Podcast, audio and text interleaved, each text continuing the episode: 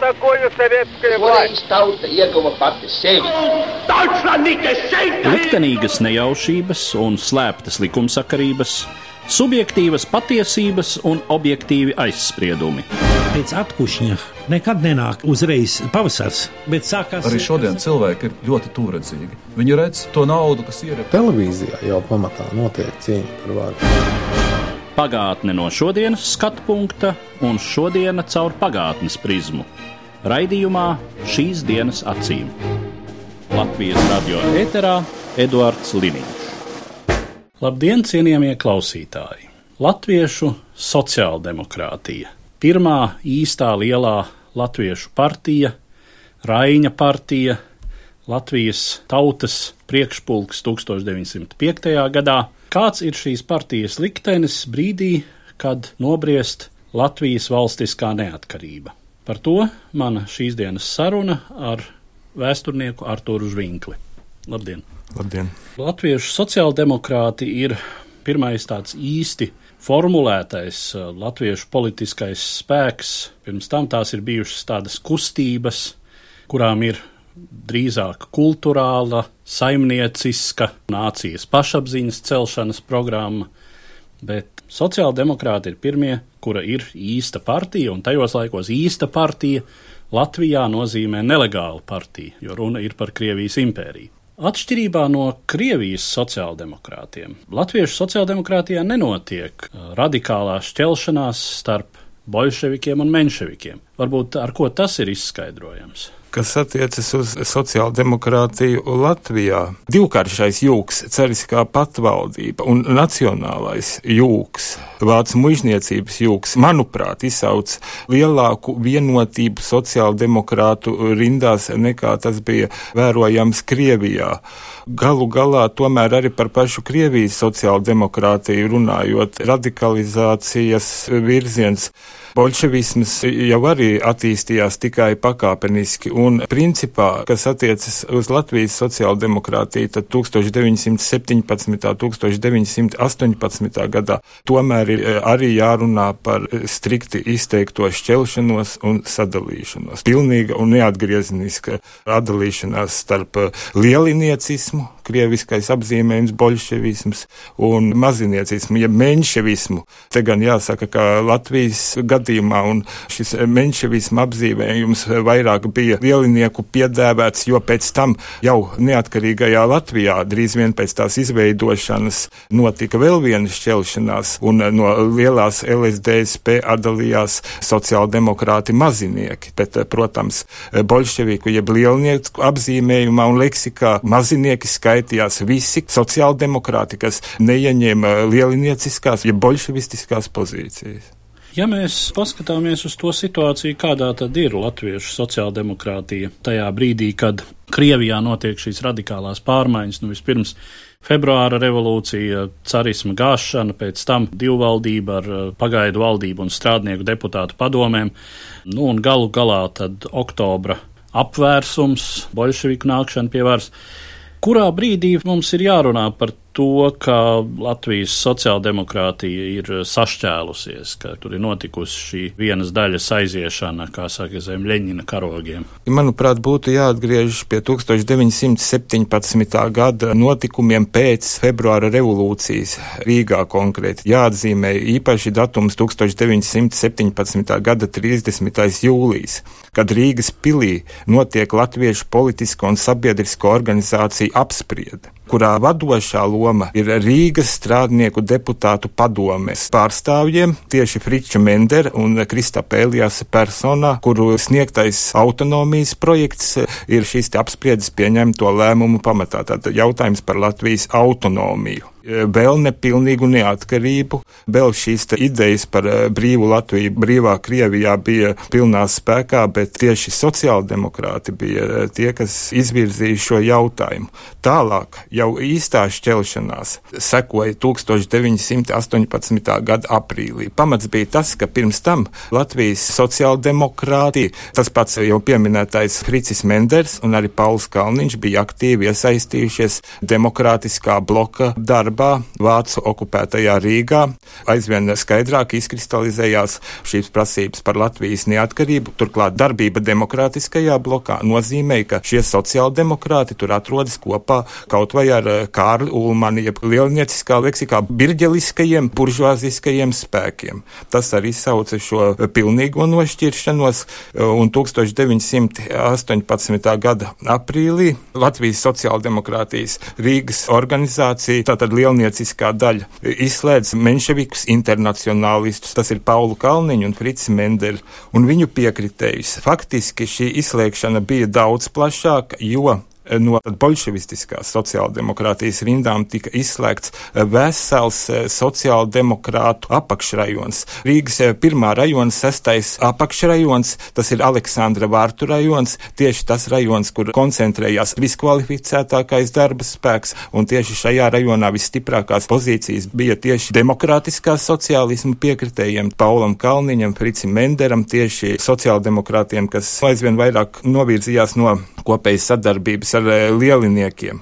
Es atļaušos pārtraukt, Jā. varbūt mūsu klausītājiem būtu interesanti, eh, kurš rajons tas tieši ir Aleksandra Vārti. Jā, Aleksandra Vārtu rajons, tas ir eh, rajons pirms gaisa tilta, pirms rūpnīcas VF, kas toreiz bija izteikti rūpniecisks rajons ar fabrikām, ar uzņēmumiem. Lielnieciskā sociāldemokrātu 16. konference tā paša gada maija beigās apstiprināja Rīgas rajona lēmumu, apstiprināja to, ka jāizslēdz viss Rīgas sastais apakšrajons un pieņēma speciālas rezolūcijas šajā sakarībā, un rezolūcija saucās attiecīgi Latvijas sociāldemokrātijas attiecības pret viltus sociālistiem. Šai brīdī tātad eh, Fricis Menders, un Pauls Kalniņš tika nosaukti par viltus sociālistiem, ka viņi savienojušies ar visiem birģeliskajiem un junkuriskajiem spēkiem šajā rezolūcijā.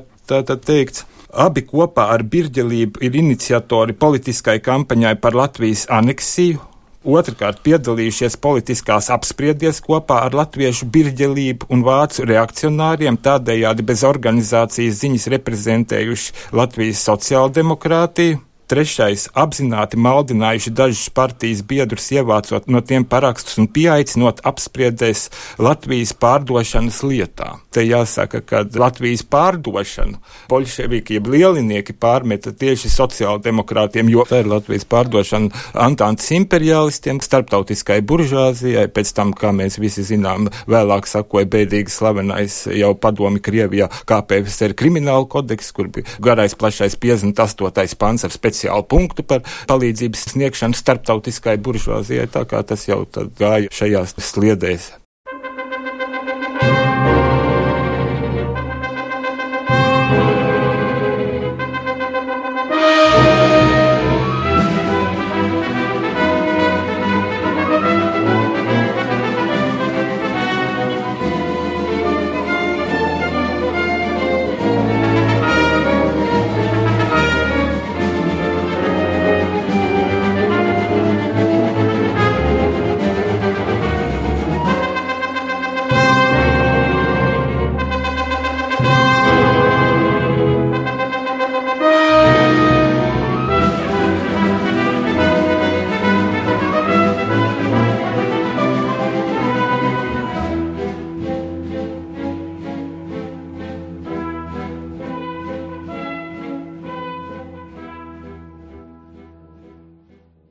Mēs jau faktiski pieskārāmies um, runājot par šī vesela Rīgas apakšrajona izslēgšanu kolektīvi no Latvijas bolševizētās sociāldemokrātijas. Kas tad bija tobrīd sociāldemokrātijas sociālā bāze?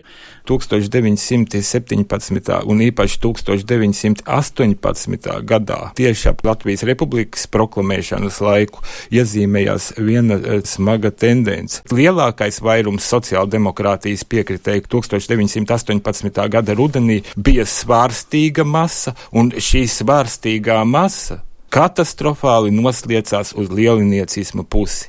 Lieliniekos šajā brīdī saskatīja vienīgo konsekvento spēku, kas lūk spēs Latviju atbrīvot no okupācijas varas, kas spēs pilnīgi un galīgi patriekt vācu baronus, atņemt viņiem visas privilēģijas, zemniecība loloja šīs cerības uz zemi, ko arī dos tikai lielinieki, cerības uz mieru, ko arī lūk varēšot atnest tikai lielinieki. Tātad lieliniecisms pārņēma faktiski visu sociāli nemantīgo tautas daļu sociāldemokrātiskās pozīcijas palika tik lielā mazākumā, ka 1918. gada beigās paši sociāldemokrāti bija spiesti lavierēt, izrādīt zināmus politiskus reverānus lielinieciskai masai. Te mums jāatceras toreiz, 1918. gada beigās un 19. gada sākumā, lieliniecisms bija lielākās daļas absolūtā nospiedošā tautas masa vairākuma gribēts. Gribēts, lai atnāk šie spēki, kas attiecas uz to pašu izveidoto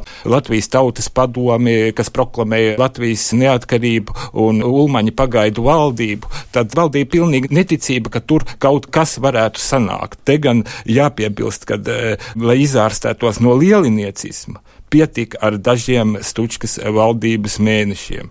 Šī izārstēšanās bija tik pamatīga, ka 1940. gadā ar prieku bolševismu atgriešanos Latvijā sagaidīja tiešām retais. No šodienas perspektīvas, tādā sevišķi populārā diskursā, bieži vien tā izpratne ir Nu, kā tad tā? Latviešu strēlnieki aizgāja balstīt Ļeņinu, kurš koķetēja ar šo Krievijas lielniecisko valdību, kurš tai patiešām uzticīgi kalpoja. Un no šodienas perspektīvas raugoties, protams, rodas jautājums, vai tad tiešām viņi visi pret Latvijas neatkarību. Svarīgi ir atcerēties, kā jūs teicāt, ka lielākā latviešu tautas daļa bija šo bolševiku lozungu nopirkta, bet to mēs varam saprast no šīs dienas perspektīvas. Daudz nesenāka vēsture mums rāda, ka tad, kad atnāk kāds, kurš nevar nesolīt, un šajā gadījumā Ļeņins tā sacīt, kā gan varēja nesolīt zemi, maizi, mieru visiem un uzreiz solīja, un viņam sevišķi nenobrieduši prāti ticēja. Tas, ka Latvijā šo nenobriedušo prātu arī bija diezgan, arī tikai loģiski. Latvijai pilsoniskas un vispār kaut kādas demokrātiskas, politiskas prakses pieredzes nebija. No otras puses, jāsaka, varbūt tas, ka latvieši salīdzinoši bija izglītotāki, kaut vai, ja mēs runājam par lasīt prasmes procentiem, nu, tas varbūt tomēr zināmā mērā ir skaidrojums, kāpēc Latvijā no šīm bolševismu ilūzijām tomēr salīdzinoši ātri izārstējās. Kas ir jāatceras, ko diemžēl šodienas politiskajā situācijā grib noklusēt bieži tāda vēlme nepieminēt ka 1918. gada 18. novembrī proklamētā Latvijas republika, tā pati republika, kura turpinās mums vēl šodien, varēja izveidoties tikai un vienīgi pateicoties Zemnieku savienības, Kārļa Ulmaņa un Latvijas sociāldemokrātiskās strādnieku partijas, Pauls Kalniņš, Fricis Menders, arī Bruno Kalniņš, pateicoties šo divu partiju vienotībai tieši Latvijas neatkarības jautājumā. Tas bija vienīgā iespēja un vienīgie spēki, tas ir ļoti būtiski un tas jāatceras. Es pat teiktu vēl tālāk, ejot atpakaļ, mēs pilnīgi pilnīgi esam aizmirsuši, ka 1903. gadā Latvijas valstiskuma, neatkarīga valstiskuma ideja pirmais izteica Miķelis Valters, kurš toreiz pārstāvēja sociāli demokrātiskos spēkus. Vēlāk, jā, viņš pārgāja Zemnieku savienībā, kļuva par tās ideologu. Pati neatkarīgā valstiskuma ideja nāca kā Latvijas sociāldemokrātu ideja kamēr eh, Latvijas pilsonībai nebija ne pat politisko partiju, un to laikraksti vēl tajā brīdī eh, slavināja un daudzināja Romānovu impēriju un sevi sauca par eh, uzticīgiem Krievijas pavalstniekiem. Tas arī ir jāatceras kaut vai arī tie visiem zināmie fakti, ka tobrīd, nu, ja mēs tiešām atliecam atpakaļ vēsturē uz laiku vēl pirms 1905. gada, tajā brīdī jau Kārlis Ulmanis bija sociāldemokrātiem simpatizējošs jauns cilvēks vēl neatradis savu īsto politisko platformu. Tāpat Gustavs Zemgals tajā laikā arī drīzāk šajā kreisajā lokā. Labējos pilsoniskajiem politiskiem strāvojumiem politiskās partijas sāka veidoties faktiski jau pēc Latvijas valstiskās neatkarības iegūšanas. Tātad būtībā eh, pēc 1918. gada tā daudz maz stabili pati šī te labējo spēku organizācija Latviešu pagaidu nacionālā padome, kas tiešām darbojās, un arī eh, šeit bija šī konkurence starp demokrātisko bloku un vēlāk tautas padomi un pagaidu nacionālo padomi. Man iznāca skolēnu mācību grāmatā lasīt nepareizu traktējumu, ka lūk, apvienojoties Latviešu pagaidu nacionālajai padomei un demokrātiskajam blokam izveidojās Latvijas tautas padome. Tā tomēr nav patiesība. Pagaidu nacionālās padomes, kas sastāvēja no bēgļu organizācijām, pamatā nepolitiskām partijām, kodols ar Arvedu Bergu priekšgalā atteicās iesaistīties tautas padomes darbā un e, ilgi turēja tādu ļaunu prātu uz to, ka viņi ir atstumti malā no Latvijas valsts veidošanas šajā gadījumā. Un otra lieta - Ulmaņa lēmums iet tomēr kopā ar partijām. Tātad pirmkārt ar sociāldemokrātiem bija konkrētajā vēsturiskā situācijā attaisnojams arī ar to, ka sperot šo soli varēja apvienot daudz plašākus sabiedrības eh, slāņus par labu Latvijas valsts idejai. Neuzreiz, atkal taisnība jāsaka, neuzreiz, bet pakāpeniski. Tas nozīmēja apvienot divas spēcīgas lielas politiskās partijas, Zemnieku savienību un sociāldemokrātiju par labu šī idejai. Un piedevām arī nacionālās minoritātes, kāmera pagaidu nacionālā padome stāvēja pozīcijās, ka jāveido latviešu valsts, minoritātes būtībā tādā gadījumā paliktu atgrūstas malā. Ja mēs pieņemtu, ka Ulmanis būtu savu izvēli izdarījis par labu pagaidu nacionālajai padomē, tad atgrūsti būtu gan sociāldemokrāti, respektīvi faktiski sabiedrības vairākums, gan nacionālās minoritātes. Un tādā gadījumā būtu ļoti liels, liels jautājums, vai Latvijas valsts vispār būtu varējusi izveidoties un pastāvēt. Atkal jāsaka viens diezgan būtisks secinājums, ka tikai visu daudz maz nozīmīgo latviešu politisko spēku apvienojums, ja izslēdzam radikālos, bolševiku vienā un absolūti provāciskais virziens otrā flangā, tad tikai šo daudz maz uz konsensus orientēto spēku apvienojums tad arī panāca galu galā vajadzīgo rezultātu.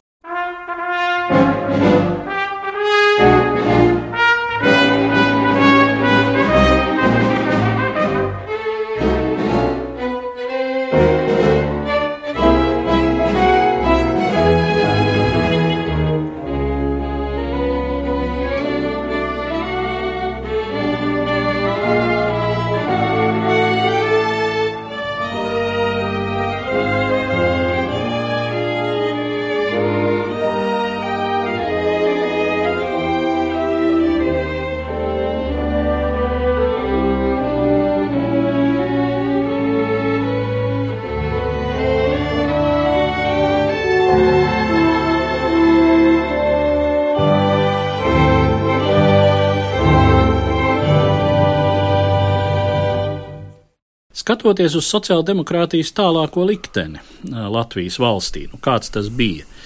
Skaidrs, ka bez sociāldemokrātiem Latvijas valsts nevarēja tapt, un es domāju, paši sociāldemokrāti to visnotaļ arī apzinājās, un viņu ambīcijas bija atbilstošas.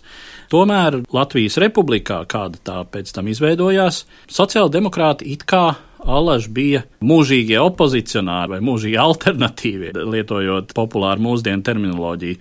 Kāpēc tas tā notika? 1918. un 19. gada sākumā, uz brīdi pat Latvijas Sociāldemokrātiskā strādnieku partija aizgāja no tautas padomes, demonstratīvi aizgāja aizcērto durvis gan taisnība atgriezās atpakaļ viskritiskākajā brīdī pēc liepājas puča, kad gan pagaidu valdības, gan Latvijas valsts liktenis karājās mata galā. Tas ir nenoliedzams fakts un liels viņu nopelns, ka viņi to izdarīja saulaicīgi un tieši tad. Bet, kas attiecas uz tālāko periodu, tad tiešām tas bija mūžīgs opozīcijas stāvoklis. Paši sociāldemokrāti vēlāk savos memoāros skaidrojuši to tādā veidā, ka atrašanās opozīcijā bija vajadzīga tāpēc, lai piesaistītu tieši kreisi orientētos sociāldemokrātu vēlētājus, lai viņiem nerastos vēlme meklēt radikālās kustības, tātad, respektīvi, komunistiskos spārnu, lielinieciskos spēkus, un ka šādā situācijā opozīcijā jāpaliek tikai tāpēc vien, lai parādītu, ka mums nav pa ceļam un mēs nevaram strādāt vienā valdībā pilsoniskajām aprindām. Ja mums ir jāpiekāpjas, ja mēs nevaram realizēt savu sociāldemokrātisko programmu. Tādā gadījumā mēs tur nemaz neiesaistāmies. Protams, ka tā bija liela kļūda. Vēsture pazīst tikai ļoti īsu periodu, 20. gadu sākumā, tas ir 1920. Gadā, kad pastāvēja lielās koalīcijas valdība ar Zemnieku savienības un sociāldemokrātu piedalīšanos, bet izjuka pavisam niecīgu iemeslu, būtībā tos pat par iemesliem nevar saukt. Tas ir 1. maija gājiens, policijas rīcība šai gājienā izsauca valdības krīzi. Tātad būtībā sociāldemokrāta aiziešana no valdības bija milzīga kļūda. Tomēr jāņem vērā pretējā pusē - pilsoniskās partijas ar eh, Zemnieku savienību priekšgalā. Sociāldemokrātiem pretī stāvēja prasmīgas politiskās kombinācijas, jo Zemnieku savienība ar Ulmani priekšgalā vienmēr spēja sarunāt ar eh, pārējām pilsoniskām partijām, ko sociāldemokrāti pat negrasījās visbiežāk darīt, jo pilsonība ir pilsonība, sociāldemokrātija ir sociāldemokrātija, tā tad divas nesamierināmas lietas. Eh, labi, ka varam dzīvot kopējā valstī, tomēr, ja nevaram realizēt savu programmu, tad eh, mums ar jums nav pa ceļam. Apmēram šāda bija tā nostāja.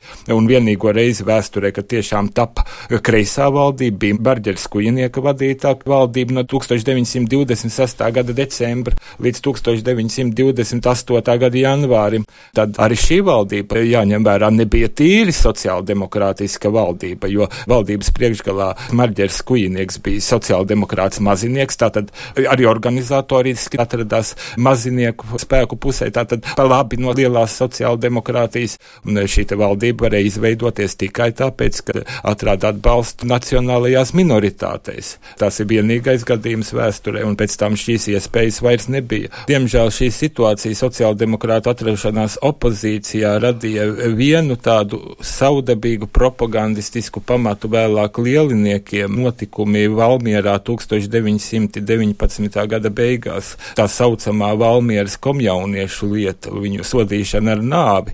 Tas ir vienīgais tāds e, ļoti skumjais gadījums neatkarīgās valsts vēsturē, kad bērni faktiski tiek sodīti ar nāvi par atrašanos nelegāli nelegālā sapulcē vai pēc absurdām apsūdzībām par gatavotu bankas aplaupīšanu ar vienu revolveri, kā vēlāk izrādījās, te, kur būtu pietīcis ar kārtīgu pērienu vai pāris gadus pārmācības namā, piemērot šādi līdzekļi. Un izdarīt to varēja tikai tāpēc, kad sociāldemokrāti atradās opozīcijā. Viņi valdībā nebija. Tad mēs varam tikai iedomāties, kā būtu bijis šajā situācijā. Kaut vai kara ministrs būtu sociāldemokrāta pārstāvs, vai tiešām kara tiesa varētu pieņemt šādu lēmumu un ar nekavējoties šādu soda veidu izpildīt. Nu, tas deva tādu milzīgu propagandistisku ieganstu vēlāk visā bolševistiskajā padomju historiografijā runāt par Baltās Latvijas zvērībām. Tieši šis apstākļus. Tas ir viens moments. Otrs, pats svarīgāks moments, manuprāt, ir tas, ka šī distancēšanās no varas ļoti atvieglināja 1934. gada 15. maija apvērsumu izdarīšanu. Tas nu ir nenoliedzams fakts. Un šis te Ulmaņa apvērsums bija milzīga traģēdija ar tālējošām sekām. Tas varbūt daudziem šķita un vēl šodien šķiet pozitīvs solis, bet iespējas, ko tas atstāja tālākā vēstures perspektīvā, tiešām bija drīzāk traģisks. Tā bija sociāldemokrāta atbildība, labāk distancēties nekā aktīvi piedalīties. Tāds bija šīs mūžīgās opozīcijas stāvoklis. Pēc deputātu skaita vienmēr saimās eh, Zemnieku savienība, kā bija tā palika otrie. Sociāldemokrāti vienmēr bija pirmie pat 30 mandāti, ne mazāk par 25 mandāti. Tā kā lielākā frakcija, kas vienmēr atrodas opozīcijā un gandrīz nekad nevar izveidot valdību. Tāda bija šī situācija.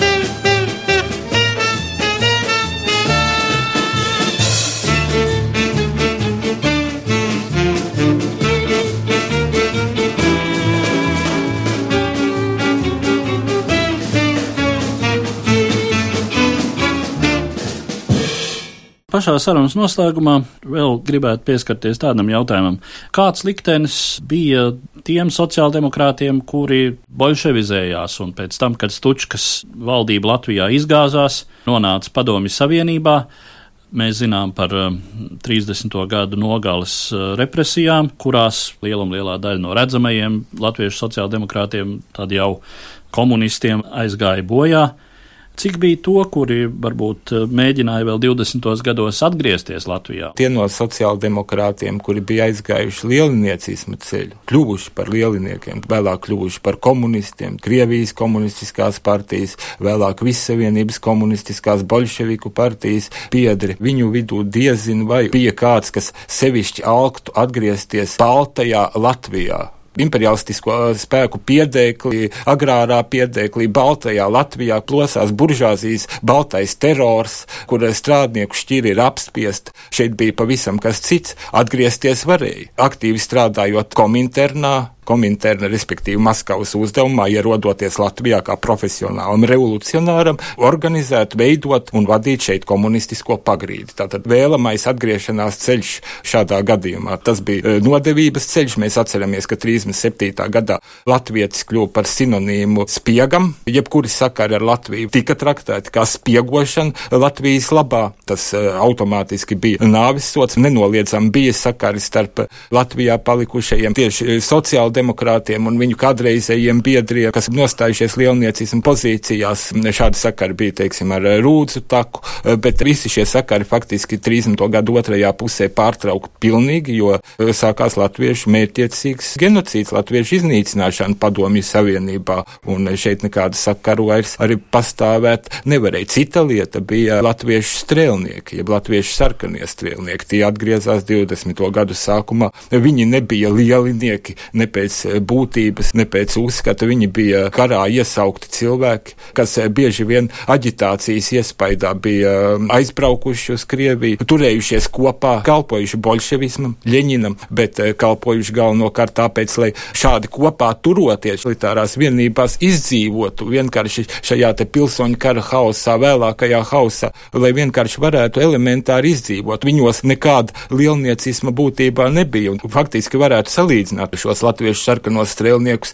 ar latviešu SS brīvprātīgajiem leģionāriem tā izziņā, ka viņi jau arī nebija nacisti. Viens liels plus, kas bija latviešu sarkanajiem strēlniekiem, ka viņi noturēja bolševistisko varu, Tieši tāpēc, kad izveidojās un nostiprinājās bolševistiskā vara, arī Latvijā varēja iegūt un saglabāt savu valstisko neatkarību. Visdrīzāk nekāda neatkarīgā Latvijas valsts nepastāvētu, ja Krievijas pilsoņu karā uzvaru būtu guvuši balto ģenerāļu spēki. It kā cīnījās pret, bet eh, faktiski panāca to, ka Latvijas valsts varēja izveidoties un Latvijas valsts tomēr 20 gadus varēja pastāvēt. Kaut arī tas ir vēstures paradoks. Tas patiešām ir viens no tiem paradoksiem, par kuriem neizbēgam mums ir jārunā, runājot par Latvijas valsts veidošanos, un lielā mērā sasaucās ar mūsu šīs dienas sarunas tēmu.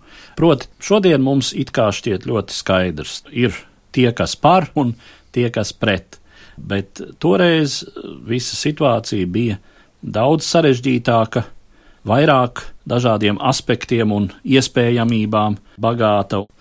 Ar to es arī gribētu noslēgt mūsu sarunu un teikt paldies manam sarunbiedram, vēsturniekam Arturam Žvinklim. Paldies!